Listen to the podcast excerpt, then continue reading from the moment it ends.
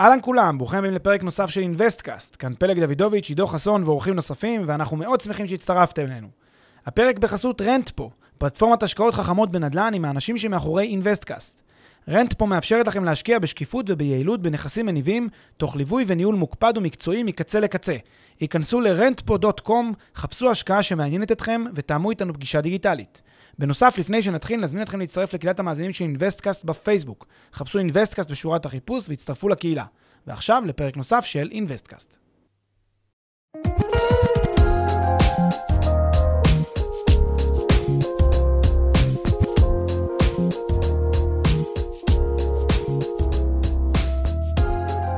שלום לכל המאזינים, אנחנו בפרק מספר 20 של אינווסטקאסט, והיום אנחנו רוצים לדבר על אה, אחד היסודות המכוננים אה, של כל מיזם, על שלב הכרחי בלידה של אה, מיזם, וזה כמובן המודל העסקי.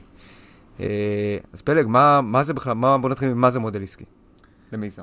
מודל עסקי, הביזנס פלן של המיזם, הלב הפועם של המיזם, זה אותו תחשיב כלכלי שכל יזם, כל בן אדם שמתעסק אה, באיזשהו פרויקט, בין ברמת המתכנן שלו, בין רמת המממן שלו, בין רמת המשקיע בו, כל אחד מהם, המודל העסקי של המיזם הזה צריך לעבור תחת ידיו באיזשהו שלב.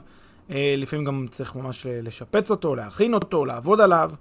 מודל עסקי זה כל כך כל כך בסיסי בעולם ההשקעות והיזמות, כמובן לא רק בנדל"ן, שזה מצדיק, אה, אפשר לומר, לא, לא רק פרק אחד של האינווסטקאסט, אלא סדרת פרקים, ממש סדרת פודקאסטים שלמה רק על המודל העסקי, מרוב שזה בסיסי.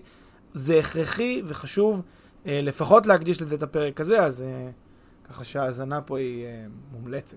ומה, בגדול, מה הוא מפרט ככה, ברמת ההגדרה הכללית, מה, מה זה בעצם אה, מודל? הוא מ- מפרט ברמת הכותרות, אנחנו אמנם כמובן נצלול לזה לעומק יותר בהמשך, זה בעצם את התחשיב הכלכלי, שמורכב מהסך ההשקעה שלה, שכרוכה במיזם, אה, תחזית להכנסות וההוצאות במיזם, ולבסוף התשואה שהמיזם הזה צפוי להביא, או ה-NPV, או הענן שלו, הערך הנוכחי שלו.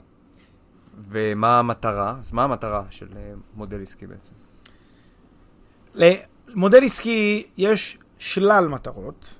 אמ, אפשר לנסח אותם, ב, ב, בואו נעשה נניח בצורה מרובדת כזאת, לפי רבדים, אה, שלוש מטרות מרכזיות אני חושב שאפשר לחשוב עליהן. הראשונה, זה בכל מה שקשור להיתכנות וכדאיות אה, כלכלית של הפרויקט, של המיזם.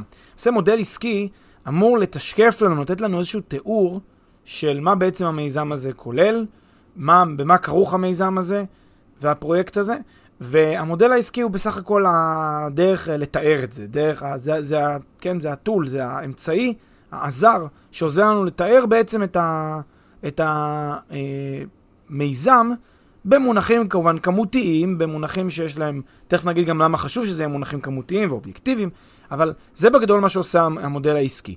עכשיו, בגלל שזה מה שהוא עושה, הוא בעצם מספר לנו את, ה, את הסיפור של המיזם הזה בצורה, אה, בצורה, כן, גרפית, או בצורה מספרית, או בצורה טבלה, לנגד העיניים, in your face, מה שנקרא, אז מיד זה מוביל לנו שתי, אה, שתי תוצאות מיידיות, כן? שני, אה, שני דברים שמיד קורים. אחד, אנחנו מבינים האם ישנה היתכנות כלכלית למיזם, והשני זה האם ישנה כדאיות כלכלית למיזם. עכשיו, זה שני דברים שונים, היתכנות כלכלית וכדאיות כלכלית.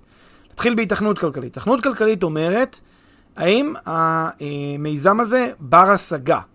אה, האם יכולה להיות, אה, אגב, זה לא רק היתכנות כלכלית, לפעמים גם היתכנות תכנונית והיתכנות פיזית, שנייה אני גם אתייחס אליהם, אבל בגדול, האם המיזם הזה הוא בכלל אפשרי? האם מה שאנחנו חולמים לעשות הוא אפשרי? למשל, תגיד, אה, ליזם, אה, כן, יבוא אליך יזם הייטק ויגיד, שמע, יש לי אפליקציה נפלאה, שלא יודע מה, שמאפשרת אה, לאנשים אה, ל- לקנות אה, רכבים ב... ב לא יודע מה, בקלות.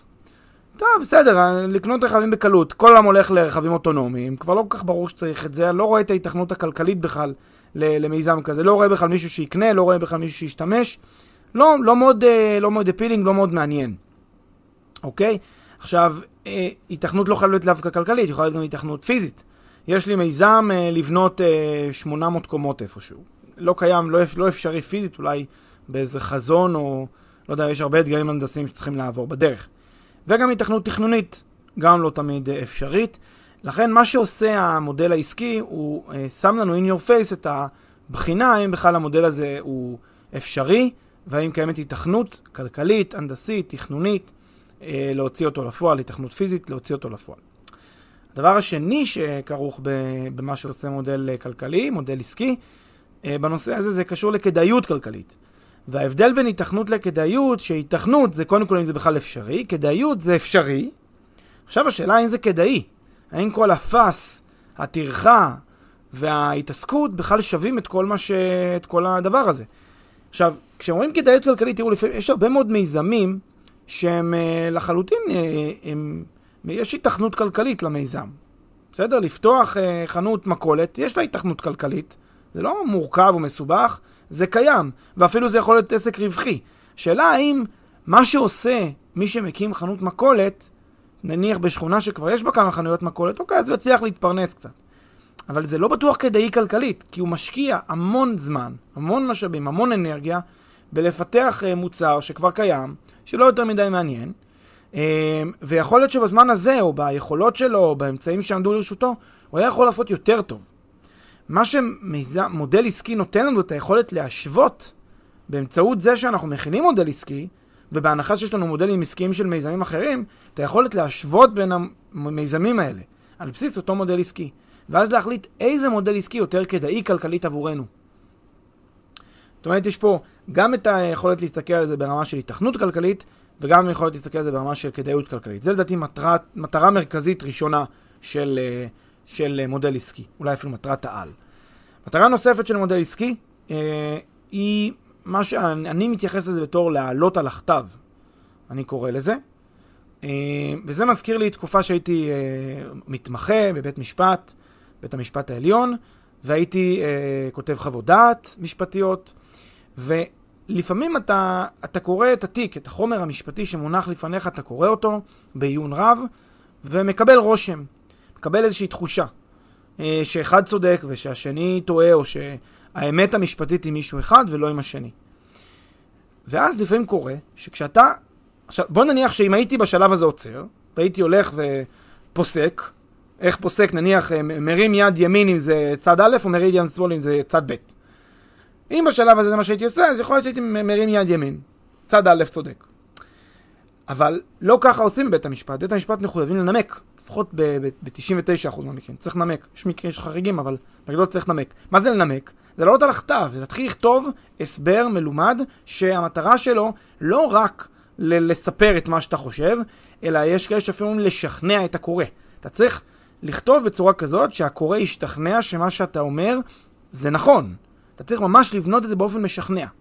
לפעמים קרה לי, לא פעם, כשהייתי כותב חוות דעת, שהתחלתי שצד א' צודק, ותוך כדי שהתחלתי לקלף את זה, לנתח את זה, להעלות את זה על הכתב ולהתחיל לשכנע את מי שאמור לקרוא את זה לימים, אחרי שזה כמובן ישתנה ויעודכן על ידי השופט, אז כבר השתנתה העמדה שלי. פתאום מה שקודם היה א' הפך לב'.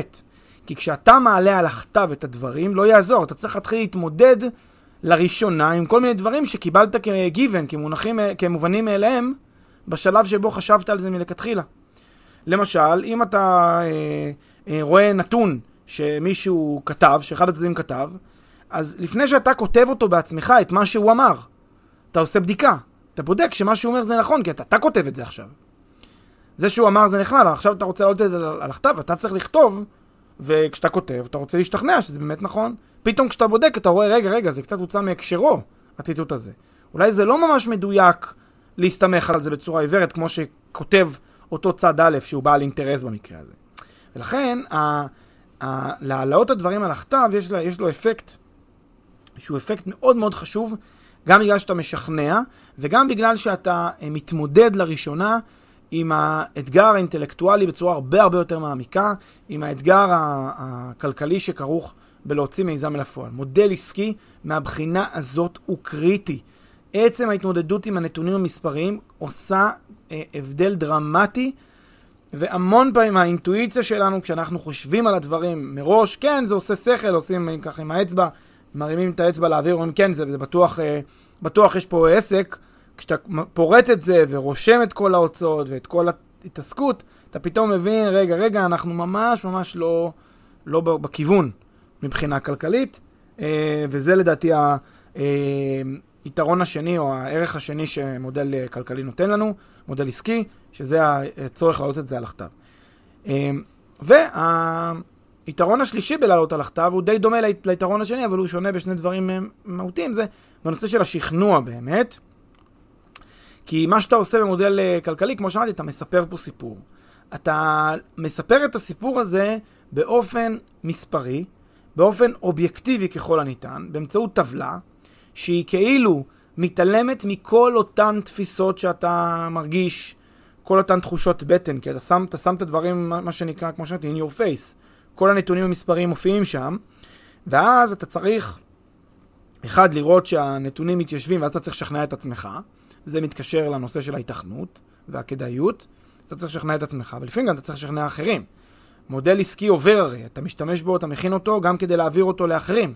בין אם זה הגורם הפיננסי, בין אם זה גורם, המשקיעים שאתה, שהולכים להשקיע יחד איתך במיזם הזה, אתה צריך לשכנע אותם. וכדי לשכנע אותם, צריך לתת להם נתונים, אתה צריך לתת להם גילוי. זה אחת המטרות של המודל העסקי.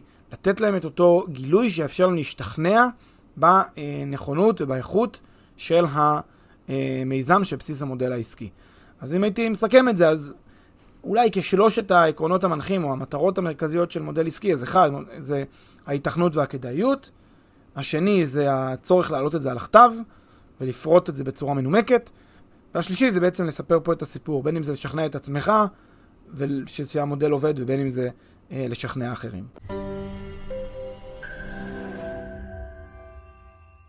הפרק בחסות מחירון פרופדו, מחירון הדירות של ישראל. מחירון הדירות המקיף והמתקדם בישראל, המאפשר לכם לגלות בלחיצת כפתור מהו המחיר של הנכס. והכל בחינם. חפשו בגוגל מחירון פרופדו או מחירון הדירות של ישראל.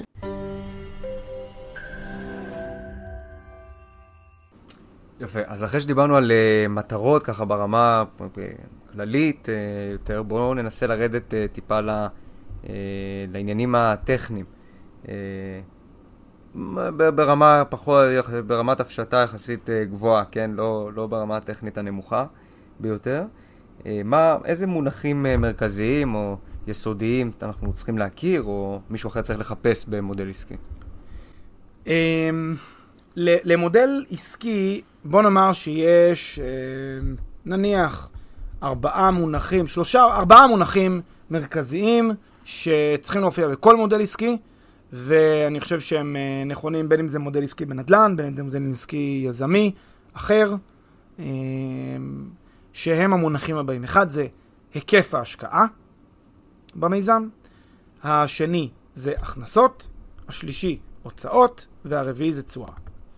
Uh, המודל העסקי הוא בעצם פריסה של כל התהליך, כל התחשיב הכלכלי של, ה, של המיזם, לאורך כל תקופת הזמן של המיזם, לאורך כל חיי הפרויקט, מה שנקרא, כשכל כל עניין כספי, בין אם זה השקעה, בין אם זה הכנסה, בין אם זה הוצאה, בין אם זה תקבול, בין אם זה תשלום, כל פן כספי, אה, אפילו כספי רעיוני, שמעורב במיזם הזה, צריך לקבל ביטוי, בעיתוי הנכון שלו, בעיתוי הספציפי והרלוונטי אליו. אוקיי, אז בואו, אני רוצה שאני אצלול עכשיו לכל אחד מהרכיבים של ה... כן. בואו אוקיי. נתחיל עם היקף ההשקעה. אוקיי, אז היקף ההשקעה. בעצם, הרכיב הראשון והמרכזי, בדרך כלל הוא גם ב-T שווה 0, זה אומר בעצם זמן 0, למרות שלפעמים יש גם השקעה בפעימות, וכשיש השקעה בפעימות צריך אה, להתחשב בזה גם כן לפי העיתוי. צריך לזכור, מודל עסקי עובד לפי העיתוי של כל אירוע כספי. בין אם זה, ואז בעצם המודל הוא, הוא פריסה של, ה, של, של, של כל התחשיב הכלכלי על זה לאורך התקופה של ההשקעה. רואים את זה בין אם זה לפי רבעונים, בין אם זה לפי שנים, בין אם זה לפי אפילו חודשים. ואז אפשר ממש לציין באותו יום ספציפי, באותו חודש ספציפי, שיש פה השקעה כזאת, ותקבול כזה, והוצאה כזאת. וכששמים את כולם בטבלה אחת, אז אנחנו גם, תכף אנחנו נסביר בהמשך, מה זה נותן. אבל אה, זה, זה, זה פחות או יותר העולם שאנחנו מדברים עליו עכשיו, שזה בעצם עולם שהוא אה, דו-ממדי גם מבחינת שיש איזשהו אירוע וגם מבחינת ציר הזמן. אז היקף ההשקעה בדרך כלל היא בתחילת הדרך מן הסתם, היא נעשית ב-T שווה 0, או יש איזושהי פריסה של ההשקעה, ובהיקף ההשקעה יש הערה חשובה שמדהים לראות כמה משקיעים, ואפילו משקיעים מנוסים, לא מתחשבים בכל האלמנטים הרלוונטיים להשקעה. אז קודם כל, השקעה תמיד כוללת הכל. היא כוללת את כל ההוצאות שיש לנו, בין אם זו הוצאה, הוצאת השקעה ישירה, כלומר כמה כסף הוצאתי מהכיס כדי להשקיע, בין אם זה עובדים ששכרתי, בין אם זה הוצאות משפטיות שנלוו לי, הוצאות אחרות, הוצאות אה, מס, הוצאות חשבונאיות, הוצאות בלתי מתוכננות, הוצאות שיווק, כל דבר שהשקעתי מהבית, ששמתי כסף, נכנס בהיקף ההשקעה. מה עוד נכנס בהיקף ההשקעה, וזה כמעט אף אחד לא שם בתחשיב? זמן. לזמן יש חשיבות מאוד מאוד הכרחית, כי לא השקעה שבה, לא דינה של השקעה שבה אני רק שם 100 אלף דולר וכן, וממשיך בחיי, לבין השקעה שאני שם בה 80 אלף דולר, פחות, אבל אני גם צריך עכשיו אה, אה, להשקיע כדי ללמוד אותה, כדי להתכונן אליה, כדי לעבוד, אני צריך חודשים שלמים ללמוד. אז מן הסתם, יכול להיות שדווקא השקעה של 100 אלף דולר היא עדיפה במובן הזה. לכן, לזמן יש חשיבות. מה שהרבה פעמים אנשים שואלים אותנו זה, רגע, אבל איך אתה מחשב את הזמן? אוקיי, מה, אתה מתחיל עכשיו לסכום כמה שעות עבודה וכולי? אז יש שתי דרכים. או שמסתכלים על זה כאילו עוד בן אדם מקבל משכורת, שזה חלק מההשקעה, ואז זה כאילו אה, אתה משקיע את המשכורת שלך. בעצם אתה אומר, אני לא מקבל משכורת, אז אני כאילו משקיע כסף, כי הייתי אמור לקבל משכורת בזמן הזה. אוקיי? זה דרך אחת. דרך שנייה, אם יש אנשים שיש להם מקצוע ייחודי, אה, עורכי דין, אה, אה, לא יודע מה, יועצים כלשהם, שיש להם שכר שעתי, שהם יודעים לתמחר אותו בקלות, אה, פרילנסים כאלה, אז אה, קל מאוד לתמחר את הזמן. פשוט הם יודעים כמה שעות עבודה הם הקדישו למיזם הזה בחודש או בתקופה מסוימת, ואז הם מתמחרים את זה גם כן במיזם. אל תוותרו על לתמחר את הזמן, בטח אם הזמן שלכם יש ערך, ובטח אם יש לכם משהו אחר לעשות בזמן הזה. אני לא מדבר על אנשים שמכינים מיזמים בשבת אה, בבוקר, בזמן שהם גם ככה ישבו ולא יודע מה, היו רואים טלוויזיה. אז כל זמן שיש לכם מה לעשות בזמן הזה, אתם צריכים לתת לזה ביטוי בתחשיב הכלכלי. אז זה לגבי היקף ההשקעה. נעבור להכנסות. הכנסות. אוקיי, אז, אה, אז אמרנו את היקף ההשקעה, אני אה, שם אותו בדרך כלל בתחילת הדרך ופורס אותו, או פורס אותו לאורך התקופה לפי המועדים שבהם ביצעתי את ההשקעה בפועל. הכנסות זה בעצם אה, מונח שהוא מונח חשבונאי. הרבה אנשים לא מכירים את ההבחנה, אני, אני אתייחס לזה רגע מילה. יש הבדל בין, חש... בין הכנסה חשבונאית לבין תקבול. אוקיי? תקבול זה נניח נתתי למישהו איזשהו שירות, והוא נתן לי כסף בגין השירות. עכשיו, ברגע שקיבלתי כסף בגין השירות וגם השלמתי את, את מתן השירות לאותו בן אדם, אז היה לי גם הכנסה וגם תקבול. בסדר? לפעמים קורה, ואפשר להגיד ברוב המקרים, או לא יודע, לפחות בחלק מהמקרים קורה שהכנסה ותקבול באים ביחד. רק מה?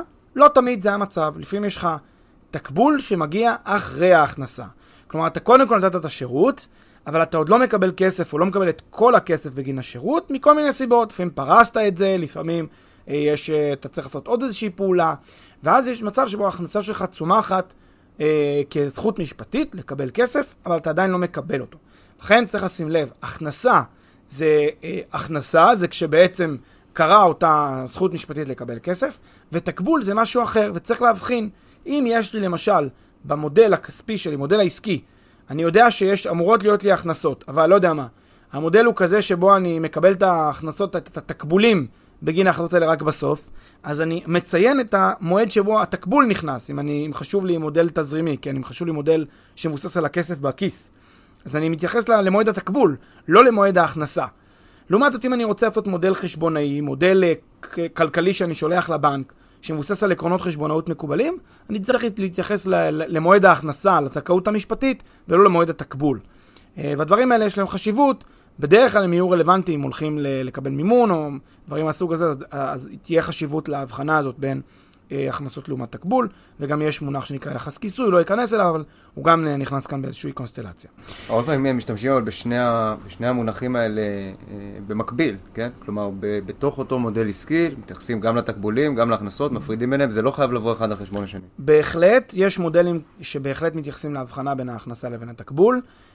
אני אגיד לך מתי הם יעשו את זה. הם יעשו את זה ברגע שיש לך כל מיני היבטים כמו מס שנכנס, כל מיני היבטים של ריביות, אה, של הוצאות מימון, למשל במס, משלמים מס על הכנסה, שוב, הכנסה משפטית, לא על תקבול. ואז יש מה שנקרא דוח התאמה למס, שאתה בעצם מכיר בכל ההכנסות שיש לך, ואתה רואה את הרווח שלך, רווח לצורכי מס זה נקרא, אתה משלם על הרווח הזה מס, לפעמים זה גם תשלום שאתה מוציא בזמן אמת, אפילו שעוד אין לך תקבולים.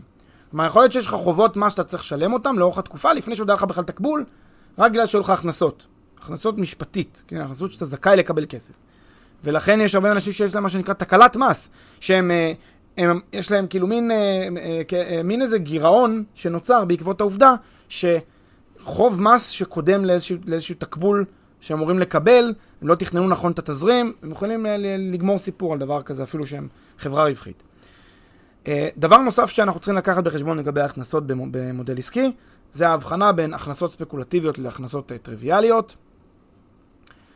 התייחסנו לזה אגב פעם בפוד באינווסטקאסט, וציינו שספקולטיבי זה משהו שלא נובע במישרין מהנכס עצמו, אלא דברים שהם, אפשר לומר, מקרו, דברים חיצוניים לנכס, חיצוניים לפעילות.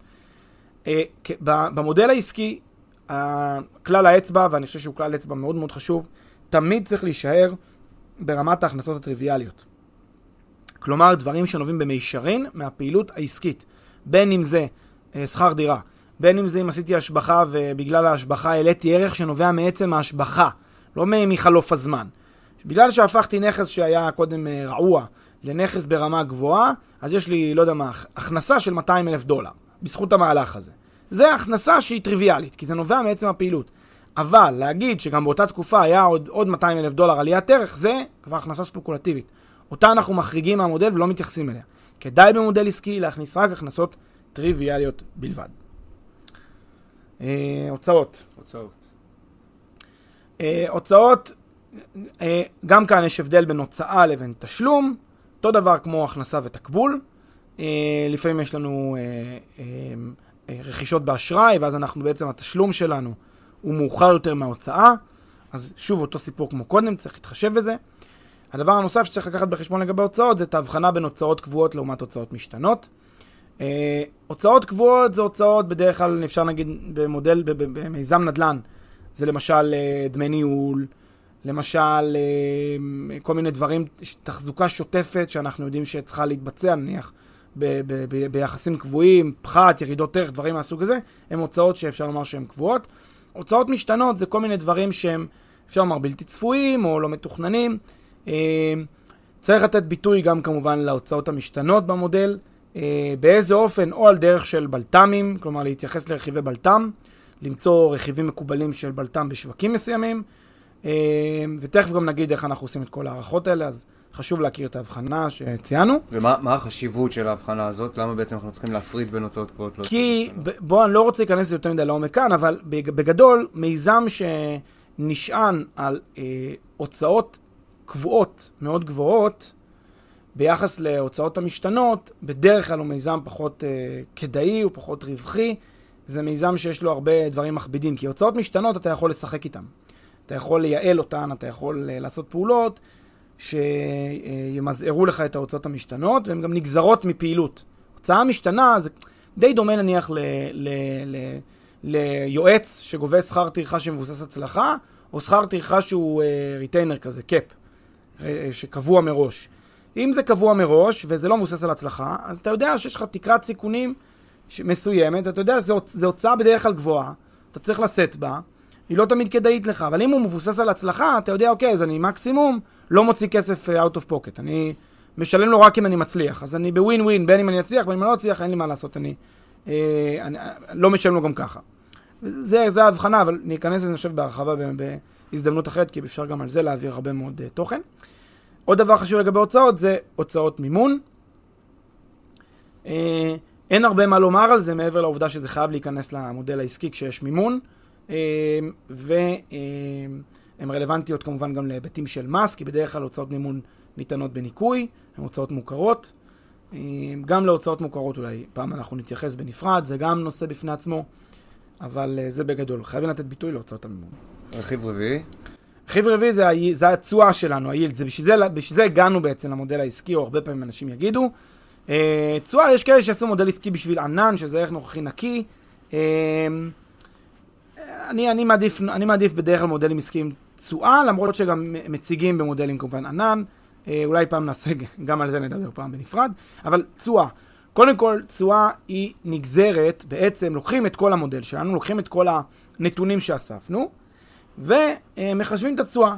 תכף ניתן שני, שני מדדים מקובלים, ROE ו-IRR, אבל קודם צריך לומר, התשואה, איך עושים את זה? לוקחים בעצם את ההשקעה לאורך כל התקופות, ואז לוקחים את הרווח לאורך תקופת הפרויקט, חיי הפרויקט, או את התקבול נטו, תקבול נטו זה תקבול פחות, פחות תשלום, בעצם את, ה, את ההכנסות המזומניות, את התזרים החיובי, ואז עושים איזשהו תהליך של היוון ומציאה של, אה, של אה, אה, שיעור, שיעור שמאפשר לי לעשות את ההיוון הזה.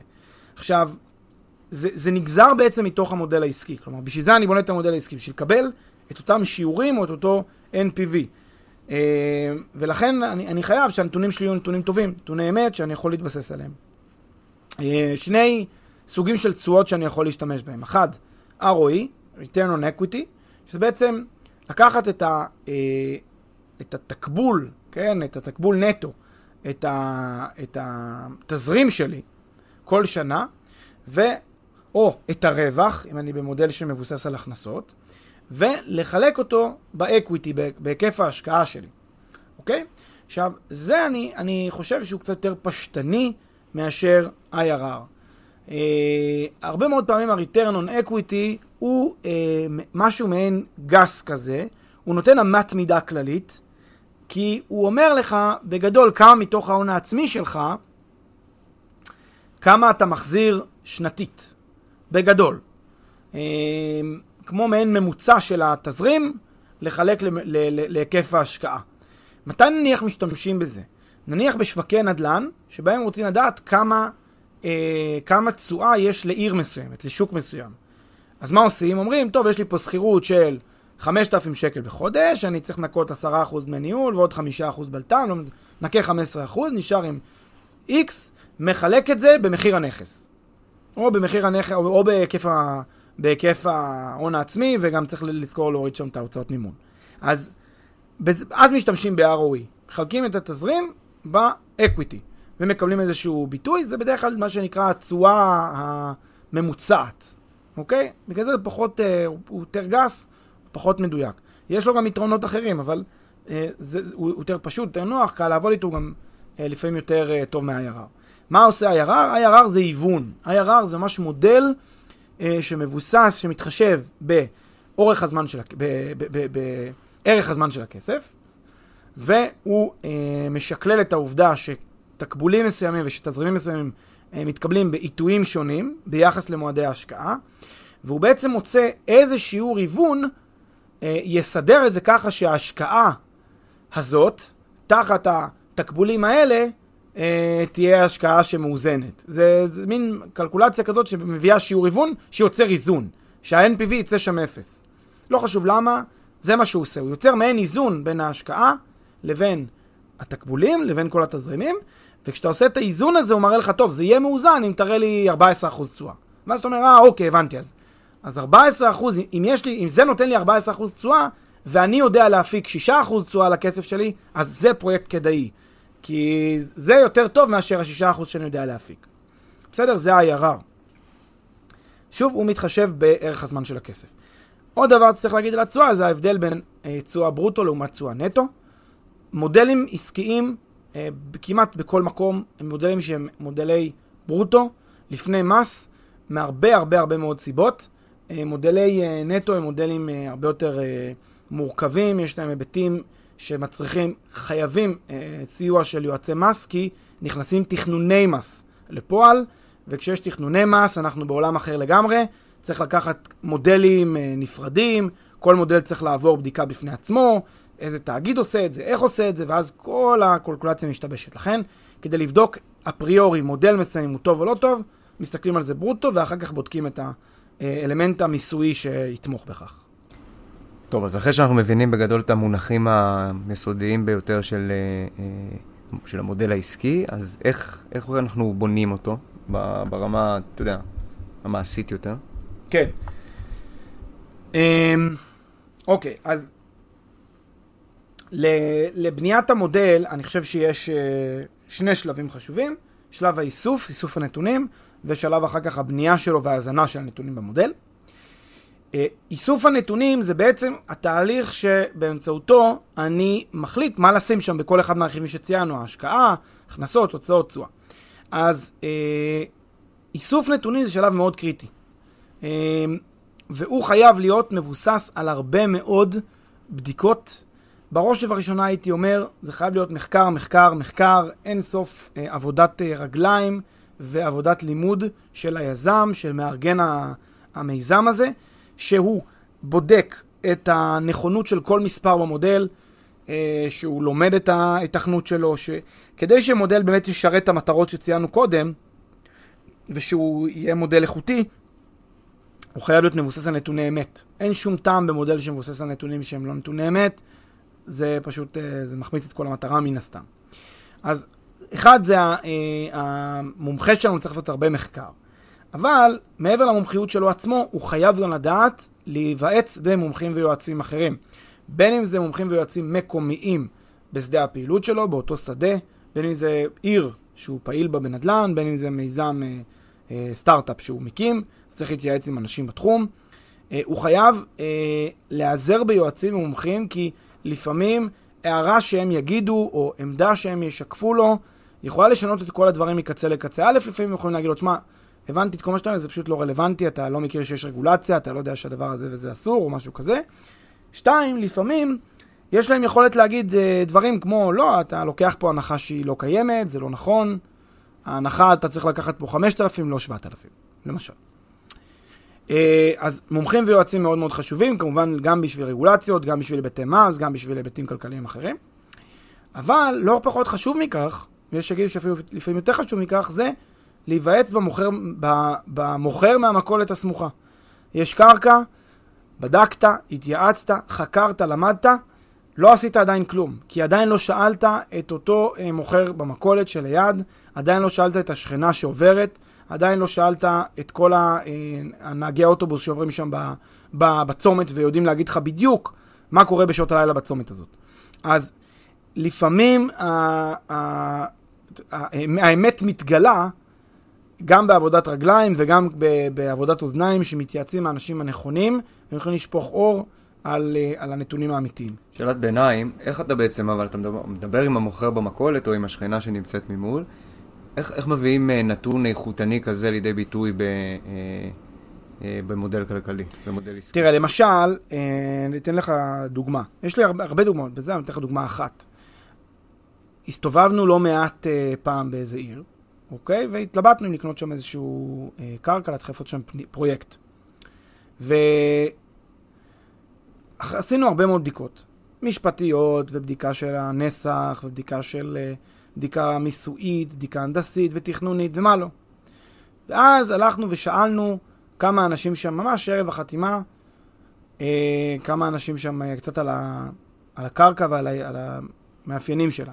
ואז איזה אחד אמר, טוב, אתם כבר ה-20 פה ששואלים אותי על הקרקע הזאת.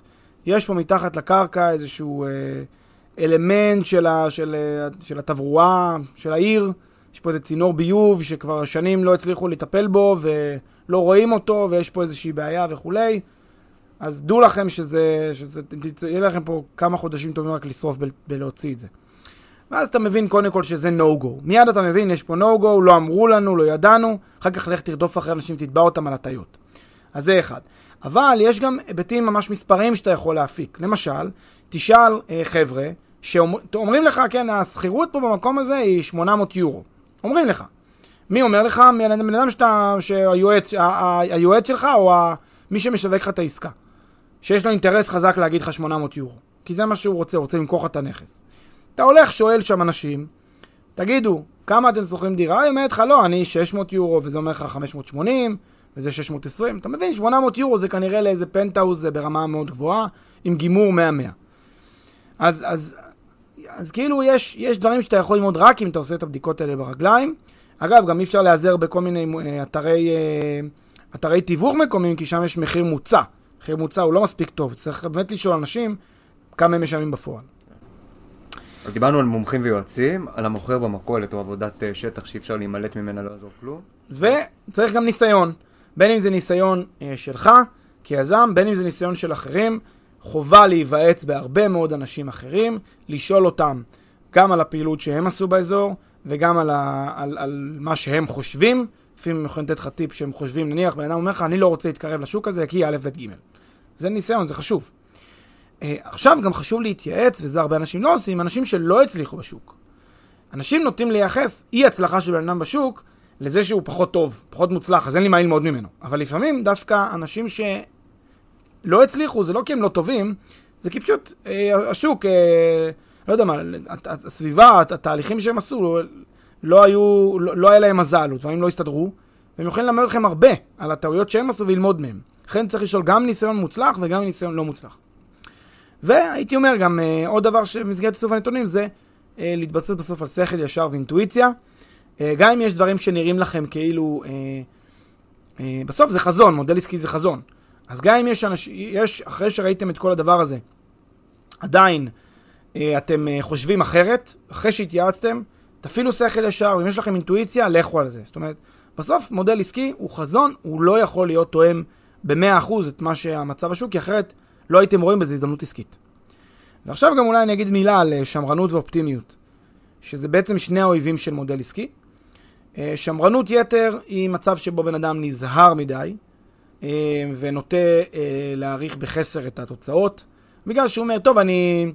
נכון שאומרים שהשכירות פה היא 800 יורו, אבל אני, אני אקח פה למודל 600 יורו. צריך, צריך לשים לב, תיקח 600 יורו, בסדר, תקבל מודל לא, לא, לא כדאי כלכלית. אוקיי, מה עשינו בזה?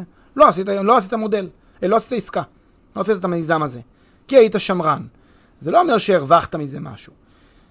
יש גם, יש גם גבול ל, ל, לשמרנות. שמרנות יכולה להיות גם לפעמים לפגוע בנו, כי לפעמים יש השקעות שהן כדאיות.